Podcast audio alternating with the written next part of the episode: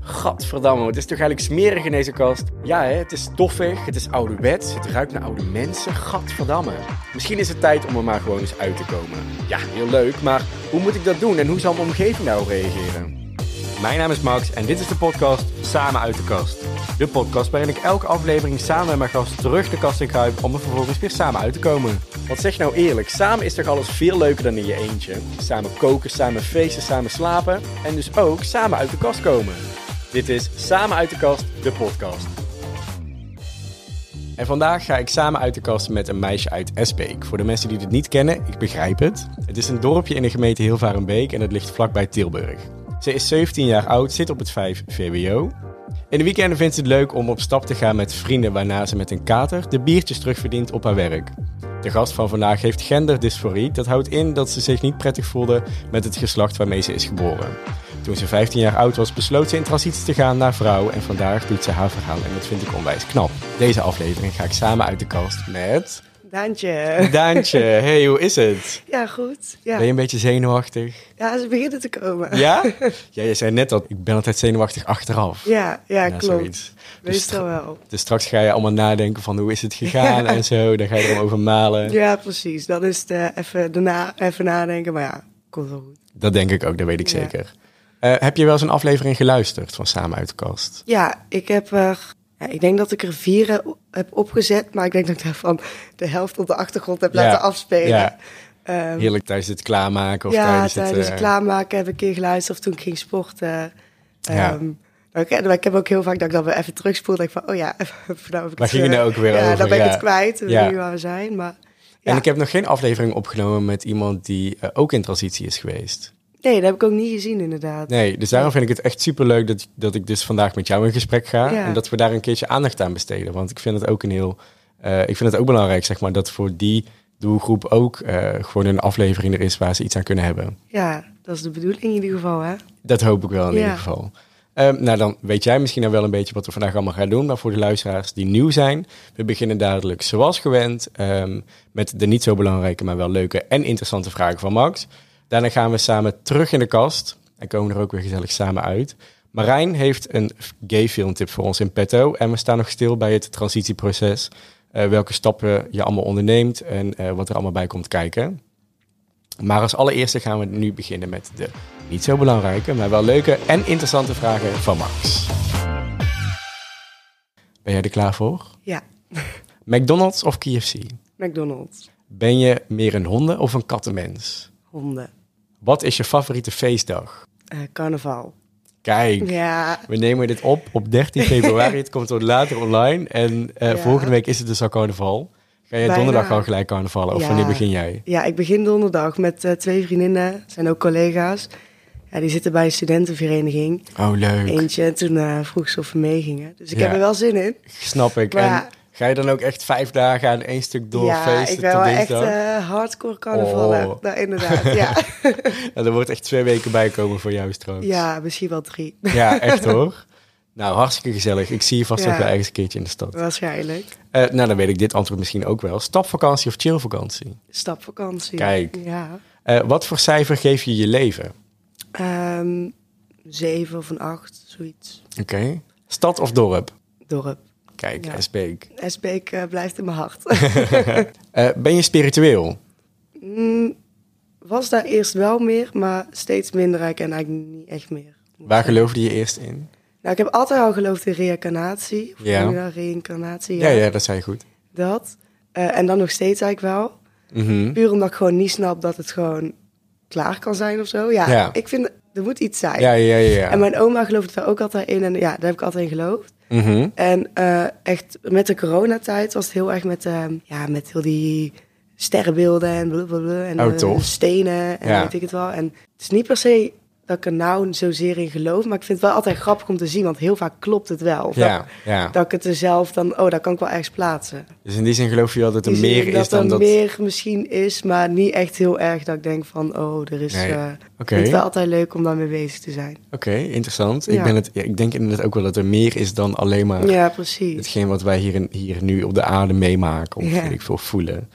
Ehm, Samsung of Apple? Apple. Eh, wat vind je nou echt een afknapper? Als iemand stinkt. Ja, Ja, mee eens. ja. Heb je broers of zussen? Ik heb een broertje. Hoe oud is die? Die, oh, even denken.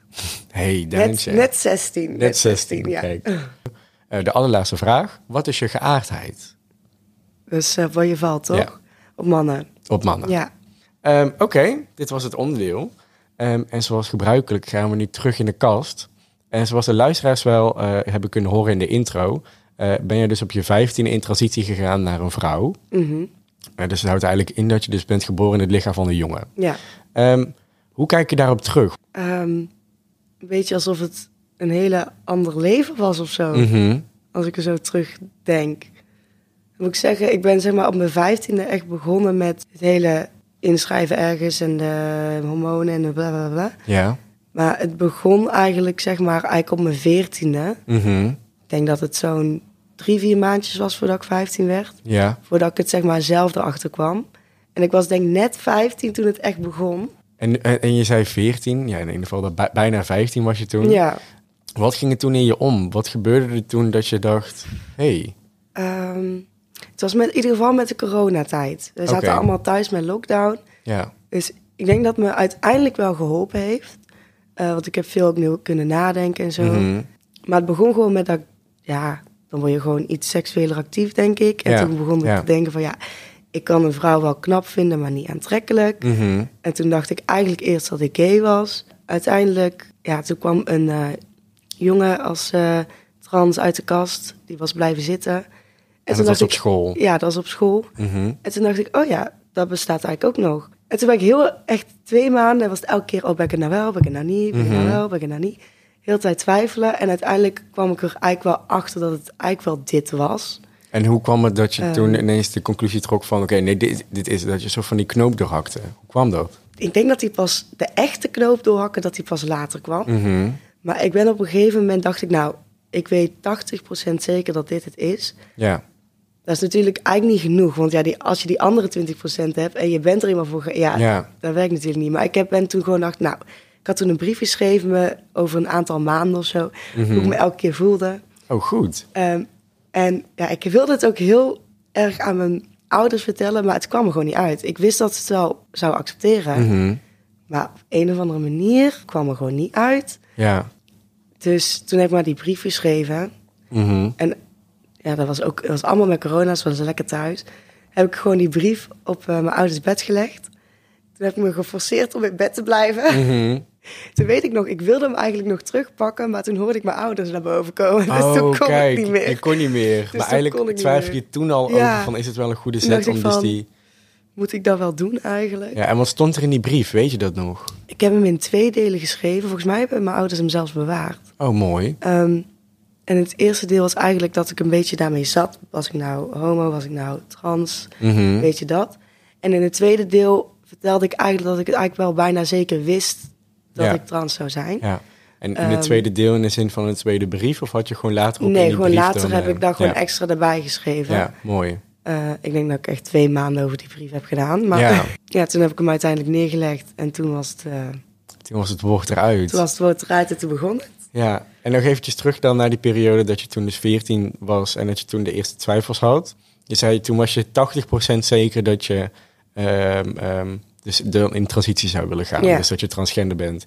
Waar twijfelde je toen zo erg aan? Want het, het wisselde, zei je. Hoe kwam dat? Nou, ehm, ik eh, keek ook ja, RuPaul's Drag Race. Dat, Mhm. dat vind ik nog steeds leuk. En het was meer zo van, ja, is het iets wat ik echt ben en gewoon de rest van mijn leven wil? Mhm. 24-7? Of is het meer van, ik vind het gewoon leuk om vrouwelijkere dingen te hebben of dat gewoon een keer te Ja. verkleden? Of Ja, ben ik gewoon iets vrouwelijker dan normaal? Dat was meer de twijfel. Want sommige dingen was het wel dat ik dacht van... oh, hier denk ik of hier ben ik iets mannelijker in. Mhm. Niet dat dat per se wil zeggen dat ik geen vrouw was. Want dat Ja. heb ik nou nog steeds. Sommige dingen... ja ik ben niet ja, per se een ja. meisje-meisje, weet je wel. Mhm. In heel veel dingen wel, maar ook in heel veel dingen niet. Maar in mijn hoofd was het dan... oh, dan ben je het niet. Wat achteraf eigenlijk nergens op slaat. Maar Als je, Ja. die mannelijke eigenschappen die vond je toen dus zo Ja, zwaar die dan wegen. mannelijk werden Ja, gestempeld, zeg maar. Ja, Eh, daaraan dacht ik van, oh, dan zal het wel niet zo zijn. Maar dat is natuurlijk ook, al ben je geboren als meisje, dan heb je dat ook natuurlijk. Inderdaad, ja. Als ik bijvoorbeeld Dus- naar mezelf kijk, ehm, We hadden het hier eerder al over gehad toen we eerste kennismaking hadden. Als ik eerlijk ben, heb ik toen ik jong was ook wel eens getwijfeld over, over wat ik nou zelf wilde zijn. Want de vriendinnen van mij, die, ik vond het altijd heel erg leuk dat die uren voor de spiegel stonden. Ja, lekker zichzelf mooi aan het maken waren. En ik voelde me dan altijd, als jongen zijnde met wat korter haar, voelde ik me dan altijd heel erg, weet niet, ik, ik miste dat. Dat, Ja. dat, dat extra stukje eh, verzorging of zo. Ja, dat herken ik wel. Want dat was al echt, zolang ik me kan herinneren, toen op de Mhm. basisschool, toen ik vijf was, Ja, deed ik altijd zo een of andere piratending op om lang haar te creëren. Oh, grappig, of ja. met eh, mijn moeders make-up spelen, hakjes aan. ja, Dus dat heb ik altijd wel gedaan ook. ja. Gewoon dat je dan aan het opzoeken bent. Ja, gewoon... Ja, toen was dat onbewust. Het is Mhm. pas bewust geweest, wat ik vertelde, vanaf 14, 15. Ja. Eh, maar toen was het heel onbewust. Maar eigenlijk zat het er toen ook wel. Mhm. Ja, en dat vind ik altijd zo interessant aan heel veel gebeurtenissen in, in, in levens van de LHBTI-gemeenschap. Dat het eigenlijk vanaf kinds af aan alles soort van duidelijk was van Ja. dat het zo uiteindelijk gaat lopen. Ja, precies. Ehm, en bij mij is dan, eh, ik, ik heb daar wel eens over nagedacht en bij mij is die twijfel eigenlijk heel snel overgegaan dat ik dacht van nee, ik ben ook heel erg blij met mijn mannelijke lichaam. Ja, En bij jou is hij dus omgeslagen naar, eh, Ja. ik, ik, ik wil toch graag in transitie. Eh, je had het er al over dat er een jongen was op je school die ehm ervoor uitkwam dat hij transgender was. Hoe kwam dat bij jou toen? Ik weet niet precies hoe het was. Volgens mij mocht je dan... Toen met de lockdown was het de helft van de klas thuis en de helft van de klas in de les. En ik was toen in de les. Hij was het toen ook. Mhm. En eh, hij was blijven zitten, dus we kenden hem eigenlijk nog niet.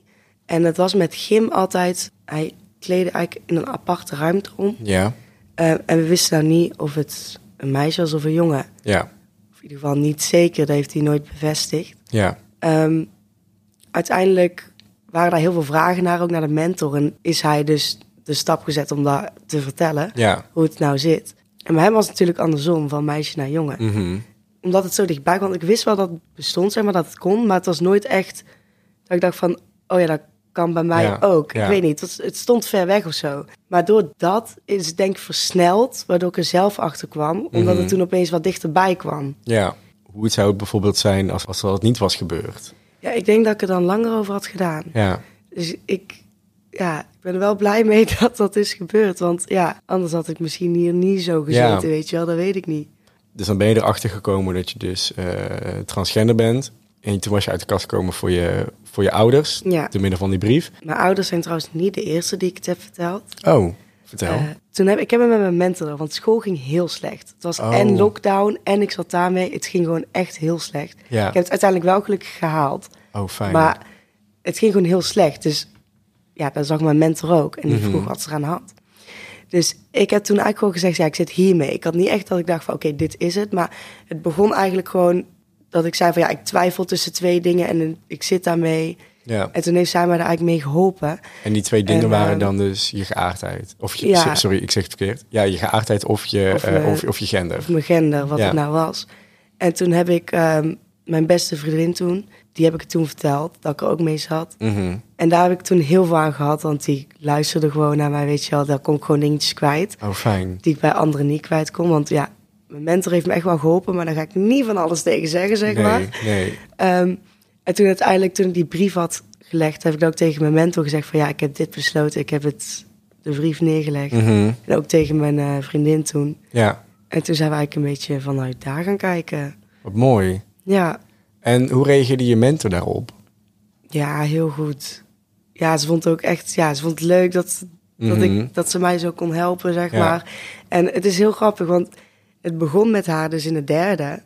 En ik heb er dit jaar weer als mentor. Oh, fijn. Dus dat is echt heel leuk. En nu begin ik een beetje, weet je, af te sluiten. Ja, Dus ja, dat vind ik ook heel grappig. Daar zeggen we ook altijd tegen elkaar, ja, echt heel tof. En ja. Maar zij heeft die Ja. hele veranderingen ook mogen Ja. meemaken met jou natuurlijk. precies. En het is gewoon, ja, ik kan zo makkelijk met haar kletsen. Mhm. Het is niet altijd over school. Het is gewoon een keer even een update. Ja, En dan kletsen we gewoon wel. En dan, eh, ja. ja.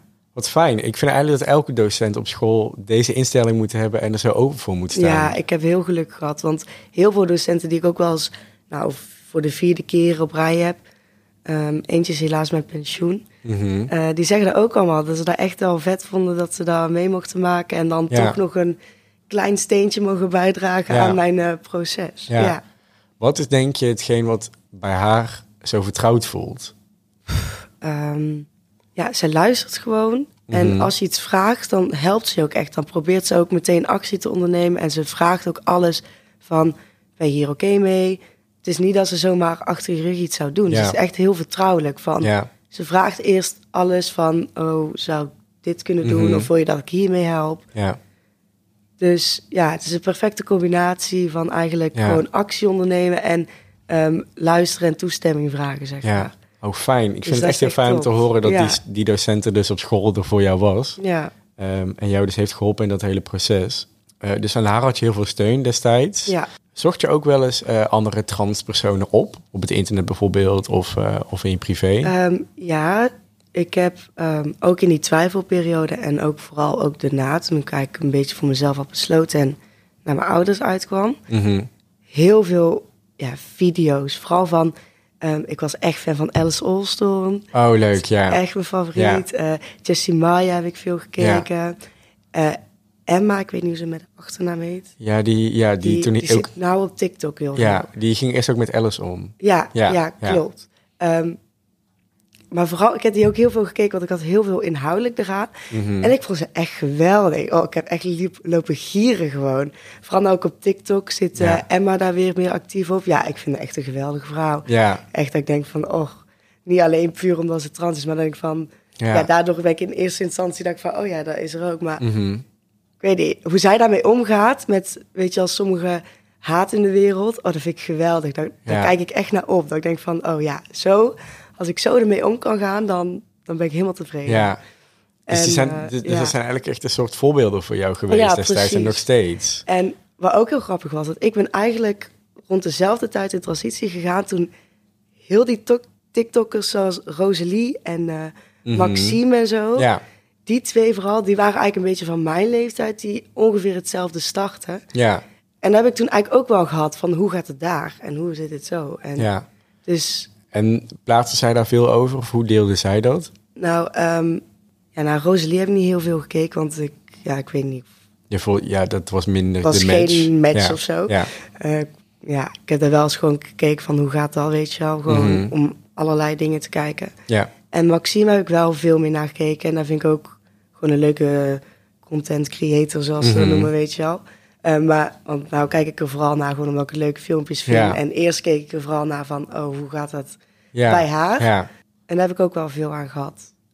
Maar wat En- fijn. Gewoon, ja. gewoon andere ervaringen, zeg maar, Ja, andere precies. verhalen van mensen die hetzelfde meemaken als jij. En ik hoop ook eigenlijk dat deze aflevering ook hetzelfde kan betekenen voor heel veel andere jongeren die in transitie willen dus. Ja, daarom doe ik het eigenlijk ook. Want Ja, oh echt, wat leuk. ja, je hebt toch wel, ik denk dat toch dat stukje herkenning bij anderen of zo, of het Mhm. meer naar buiten komt, dat dat wel echt helpt in mijn ervaring. Ja, oh goed zo. Ja, Een vast onderdeel in de podcast is ook dat we dan samen uit de kast gaan.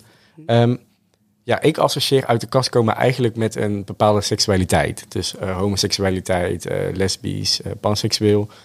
maar niet echt gelijk aan de genderidentiteit. Terwijl als je op het internet gaat opzoeken van wat is uit de kast komen, wordt er ook benoemd dat je ook uit de kast kan komen voor je genderidentiteit. Ervaarde jij dat ook zo, de term uit de kast komen? Wat voor mij eigenlijk uit de kast komen betekende was gewoon het moment dat iedereen wist dat ik voortaan als vrouw door de wereld ging. Ja, ja, Dat was voor mij eigenlijk uit de kast komen. Dus Ja. ik denk eigenlijk een beetje hetzelfde, maar dan met gender. Hoe, hoe, hoe, hoe kijk je ernaar uit de kast komen en helemaal in deze, in deze wereld nu? Vind je dat nog nodig? Voor mijn vrouw vind ik het nodig, want je kunt niet opeens als Nee. een andere Nee. gender tevoorschijn komen. Nee. Daar snapt niemand natuurlijk iets van. Ja, Je zou zeggen van, oh, maar als je cisgender bent, hoef je ook niet uit de kast te komen. Maar ik denk van, ja, voor mij, is voor mij zou het ook, zeg maar, is het ook duidelijkheid. Van, oké, iedereen weet het nou. ja. En het is voor de rest ook duidelijk. En ja, als je het er niet mee eens bent, dan rot op. Ja. Mhm. Maar ik denk niet dat je, zeg maar, opeens denkt van, oké, ja, dit ben ik. Ik kom niet uit de kast en ik ga opeens als vrouw naar school en iedereen moet mij zij, hij. Ja, ja. Of eh, weet ik het, ja, welke voornaamwoorden je voor wilt voornaamwoorden gebruiken. gebruikt. Ik denk dat niet dat dat zo werkt. Ja, eigenlijk was- is het moeilijk ja. om dat niet te doen, Het zeg is moeilijk om dat niet te doen, want Ja. dat, dat gaat bijna niet. Mhm. Dus, en het is, het is even een stap, maar als je er eenmaal overheen bent, dan kijk je er wel gewoon op terug van, oh, het viel allemaal wel mee. In Fijn. ieder geval in mijn ervaring. Ja, een vast rubriekje in seizoen 3 is eh, de gay filmtip van Marijn. Ehm, dus we gaan eens even luisteren wat Marijn vandaag voor tip in petto heeft. Hey, Max en Daantje. Ja, daar ben ik weer met uh, de filmtip van de week. De film van deze week is de film Girl. Uh, Girl is een Belgische film uit 2018 en hij is geschreven en geregisseerd door Lucas de Hond. Regiedebuut eigenlijk. En de film gaat over een jong meisje, Lara, uh, die het wil maken als professioneel ballerina. Maar ze zit echt in de knoop met haar eigen lichaam. Ze is namelijk geboren in een jongenslichaam. Ja, een transvrouw, een jonge transvrouw. En uh, ze is bezig met de transitie. En dit gaat eigenlijk best wel goed. Um, ze is bezig met hormoonblokkers. maar voor haar gaat het nog niet snel genoeg. En dat snap ik ook, want ze heeft nou eenmaal die grote ambities om professioneel balletdanseres te worden. En dit botst heel erg met haar uh, ja, transitieproces. Ja, wat heel pijnlijk is, maar wel mooi in beeld wordt gebracht. En je wordt echt meegenomen met haar als persoon. En het is een hele mooie karakterstudie over haar, uh, haar over een jong transpersoon. De film is wel een beetje controversieel. Waarom? Nou, Lara wordt in de film gespeeld door een cisgender man. Uh, Victor heet hij. Dit is gewoon wel een dingetje. Um, en ik was eigenlijk wel benieuwd wat jullie hiervan vinden. Dus wat vinden jullie ervan dat transrollen in series of films gespeeld worden door een cisgender acteur? Dit is bijvoorbeeld ook gebeurd in de film The Danish Girl uit 2015, waarin de hoofdpersoon ook gespeeld wordt door een uh, cisgender man. Ook is er in de film zelfmutilatie te zien. En sommige critici vinden eigenlijk dat dit te extreem in beeld wordt gebracht en vinden het aanzetten tot zelfmutilatie. Ik snap de kritiek, maar ik vind eigenlijk dat het wel heel mooi binnen de context van de film past. En het laat de rauwe werkelijkheid zien van de struggles van een jong transpersoon. Dus ja, de critici zijn er, hebben er mixed feelings over, want ze heeft veel prijzen gewonnen. Maar er is ook wat controverse. Nou, dit was mijn filmtip van de week. De film Girl. Um, ga hem kijken. Het is het sowieso waard. En uh, ja, ik ben benieuwd wat jullie dan van vinden. Oké, okay. doei. Ja, bedankt weer Marijn voor deze filmtip. Uh, de film Girl dus. Heb jij hem gezien, Daantje? Nee, ik heb hem niet gezien. Ik heb er eigenlijk ook niet van gehoord als nee. ik uh, het zo de beschrijving hoor zeggen. Nee, ik ben, het, ik ben het met je eens. Ik heb hem eigenlijk ook nog nooit uh, uh, voorbij zien komen ergens. Nee. Toen de trailer zag, dacht ik wel van, oh, dat is echt wel een hele mooie film. Marijn geeft aan dat de um, hoofdpersoon, Lara, wordt gespeeld door een cisgender man. En hij vraagt zich af wat wij daar precies van vinden. Heb je daar een antwoord op? Ja, half, denk ik. Mhm. Um, ja, ik weet niet hoe het eruit ziet, de film, ja, ja. hoe ze dat hebben gedaan. Maar ja, het is een film. Het zijn acteurs. De rollen moeten gespeeld worden. Uh, in dat opzicht denk ik zo van ja, wat maakt het uit? Mm -hmm. Het is anders als we zeg maar echt die cisgender man ook echt heel erg stereotypisch als transvrouw laten spelen. Dus gewoon eigenlijk een man is met weet je wel baard en alles. Ja. Uh, die dan een jurk aan heeft. Mm -hmm. Dan denk ik zo van ja, maar dan begrijp je het ook niet. Weet Mhm. je wel? Dat is hetzelfde als je een, een witte man een donkere man Ja. laat spelen. Ja. Zeg maar dat. Ja.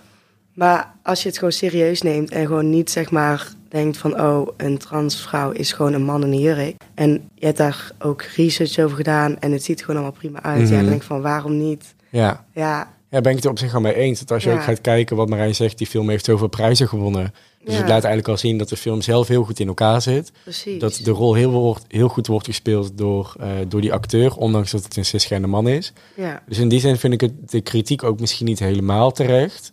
Al kan ik wel begrijpen dat als je een film kijkt, in ieder geval dat heb ik wel eens gehad, en er speelt een gay persoon, eh, of, of, of, of er is een gay karakter in die film. En je, je kan je heel erg herkennen in die persoon en, je, en, en je, het wordt eigenlijk een beetje je grote voorbeeld.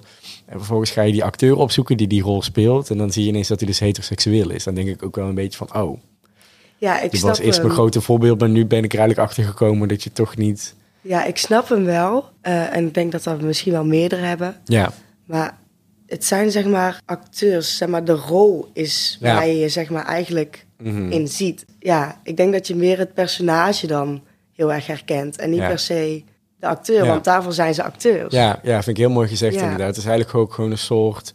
Ja, het is gewoon een beroep, zeg maar. ja, Ehm, in de film wordt ook beschreven dat Lara, de hoofdpersoon, ehm, vindt dat haar transitieproces eigenlijk veel te langzaam gaat. Herken jij dit? ja, heel erg. echt heel erg. Nou heb ik nog geluk gehad in mijn transitie, want die is relatief snel gegaan. Ik heb zeg maar een eh, andere jongen op school, die zit in een andere klas. Ja, Ehm, die is van meisje naar jongen aan het, hoe zeg je dat? nou, die is die transitie aan het transitie ondergaan. aan het ja. ondergaan. Die is nog steeds aan het wachten op een wachtlijst. En dat is nou al een jaar. Oh, En die vertelde tegen mij dat hij nog een jaar moet wachten eigenlijk. Terwijl Oh, wow. ik toen ik zijn leeftijd was, want hij is eh, anderhalf jaar jonger of zo. Is nou ook eh 15, 16. Ehm, toen was ik eigenlijk al bijna begonnen aan de medische kanten. Dus uiteindelijk heb ik denk maar, ja dat was op het moment echt heel lang, maar een half jaar gewacht, misschien een jaar. Oh ja, Tussen half jaar en een jaar gewacht voordat ik aan mijn eerste remmers begon. oké. Ik denk dat het net geen jaar was, Ja, zoiets.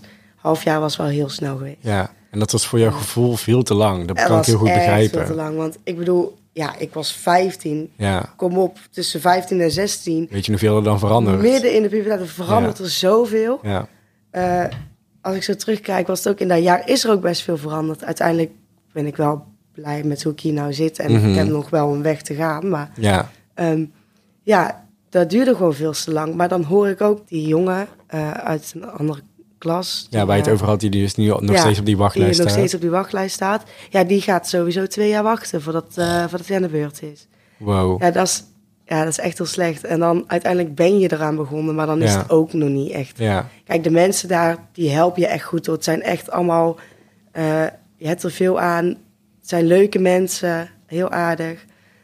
Maar er gaat ook wel eens iets, iets mis. Dat ik denk Ja. van ja, kom op zeg, dit, Mhm. dit hadden we echt wel makkelijk kunnen voorkomen. ja, Nou heb ik daar gelukkig niet heel veel gehad. En ben ik gewoon blij met mijn team, want ja, ik voel me gewoon comfortabel bij. fijn. Ehm, En, wat, ehm, en, en stel je voor, er is nu een luisteraar die, die ook de stap op maken om dat proces in te gaan. Wat zou je dan tegen die luisteraar willen zeggen? Ik zeg, eh, schrijf je zo snel mogelijk in. Ja. En gewoon, maakt niet uit. Doe het bij Eindhoven, Amsterdam en Nijmegen. Ja, Schrijf gewoon overal in. Ook al is de ene wachtlijst korter dan de andere. Je Ja. weet maar nooit. ja, Ehm, want als je ingeschreven staat, sta je ingeschreven. En kun je er altijd nog...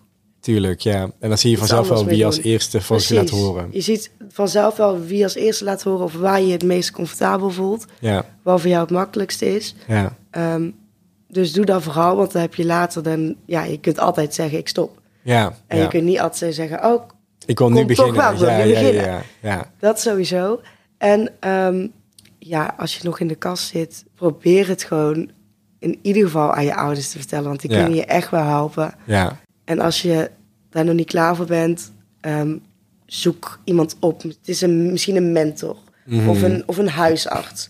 Of iemand die je daarmee kan helpen. Zodat je in ieder geval al wel bijvoorbeeld op die wachtlijst kan staan. ja. En dan op je eigen tempo uit kan komen. Die jou daarin kan Ja, ondersteunen. precies. En ik hoorde jou dus straks ook zeggen van ondanks dat het bij mij van mijn 15e tot mijn 16e wel heel lang duurde, ben ik wel echt onwijs blij met hoe ik hier nu bij zit. Ja, En ik denk dat dat Klopt. ook een heel mooi voorbeeld kan zijn voor heel veel jongeren van ook al duurt het voor je gevoel heel erg lang en alles, het komt uiteindelijk wel goed. Want kijk Ja. jou hier nou zitten helemaal, je gaf je, je levert er straks een 7 en een 8. Ja, Ja. hallo. Dat had je waarschijnlijk toen je 14 of 15 was echt niet kunnen zeggen dat je er zo later bij zou zitten. Ja, dat klopt. Het is gewoon. Ze hebben gelijk, de dokters. Ja, het Ja. duurt gewoon lang. Ja. Het is echt Ja. zo. Eh, het voelt als een eeuwigheid, ik weet het. Maar leef gewoon, leef gewoon per dag. Daar heb ik heel veel aan gehad. Je moet niet denken aan, aan dat en dat. Nee, je moet gewoon, je moet gewoon dingen doen die je leuk vindt. Mhm. Gezellig met je vrienden. Ja. Gewoon, ja, en elke dag kom je dichterbij. Ja, Ja. inderdaad. Elke dag inderdaad die je dan weer hebt doorstaan, is weer een dagje dichterbij uiteindelijk de idealen precies. jij, die jij later eh, ziet. Eh, als laatste wil ik het ook nog eventjes hebben over het transitieproces, want we benoemen het telkens wel van die wachtlijst en alles wat er Ja. allemaal bij komt kijken.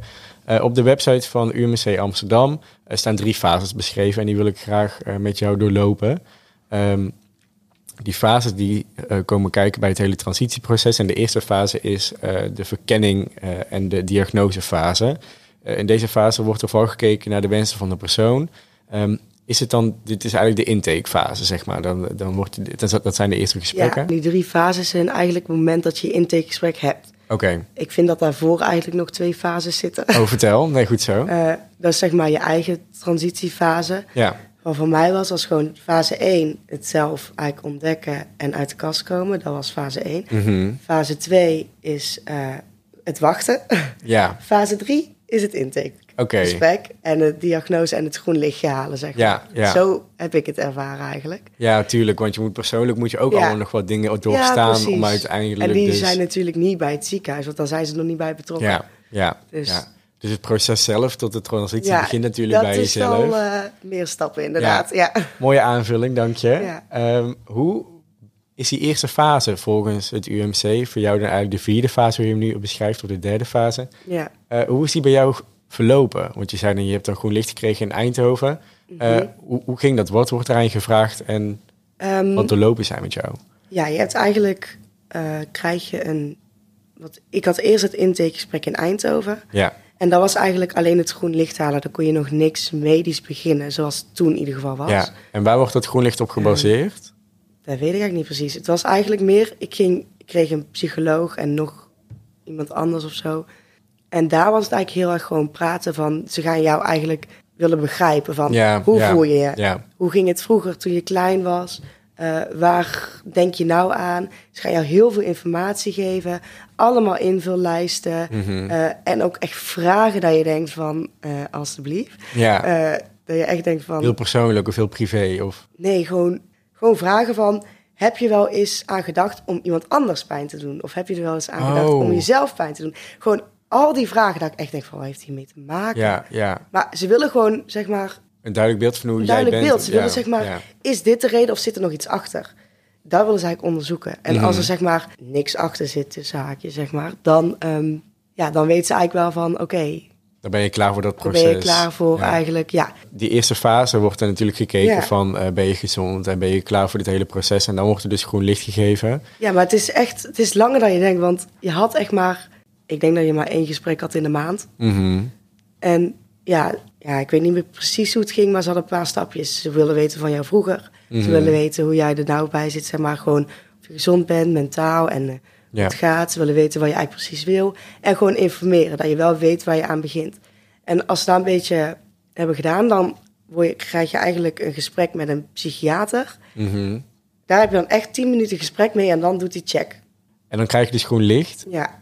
En, en, en, en, en dan ben jij naar Nijmegen gegaan. ja, dat liep dus dan een beetje Ja, dubbel, maar uiteindelijk was ik toen naar Ja. Nijmegen gegaan. En is dat dan, beland je dan in fase 2?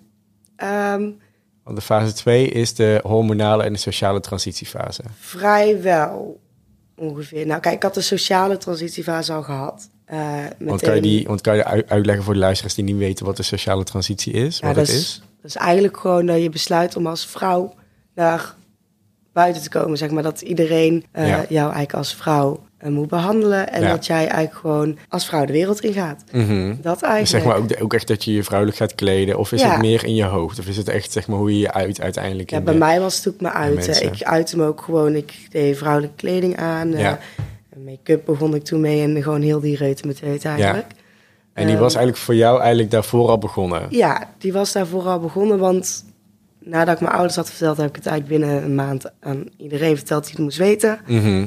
En toen ik naar Nijmegen ging, volgens mij was het toen bijna meteen dat ik aan hormoonremmers mocht. Oké, Dat is eigenlijk dat ze de testosteron remmen, Ja. zodat je niet vermannelijkt. ja, Dat. ja. Ehm, toen moest het wel nog wel langer wachten, want ik heb zeg maar eens in de drie maanden, dus om de drie maanden heb ik een afspraak dat ik naar Nijmegen toe moet. Oké, En dan verandert er meestal wel iets, enkele keer niet. ja. Ehm, meestal Qua wel. dosering. Ja, dus eigenlijk was het de eerste keer nog niks. Mhm. Tweede keer was het eigenlijk remmers.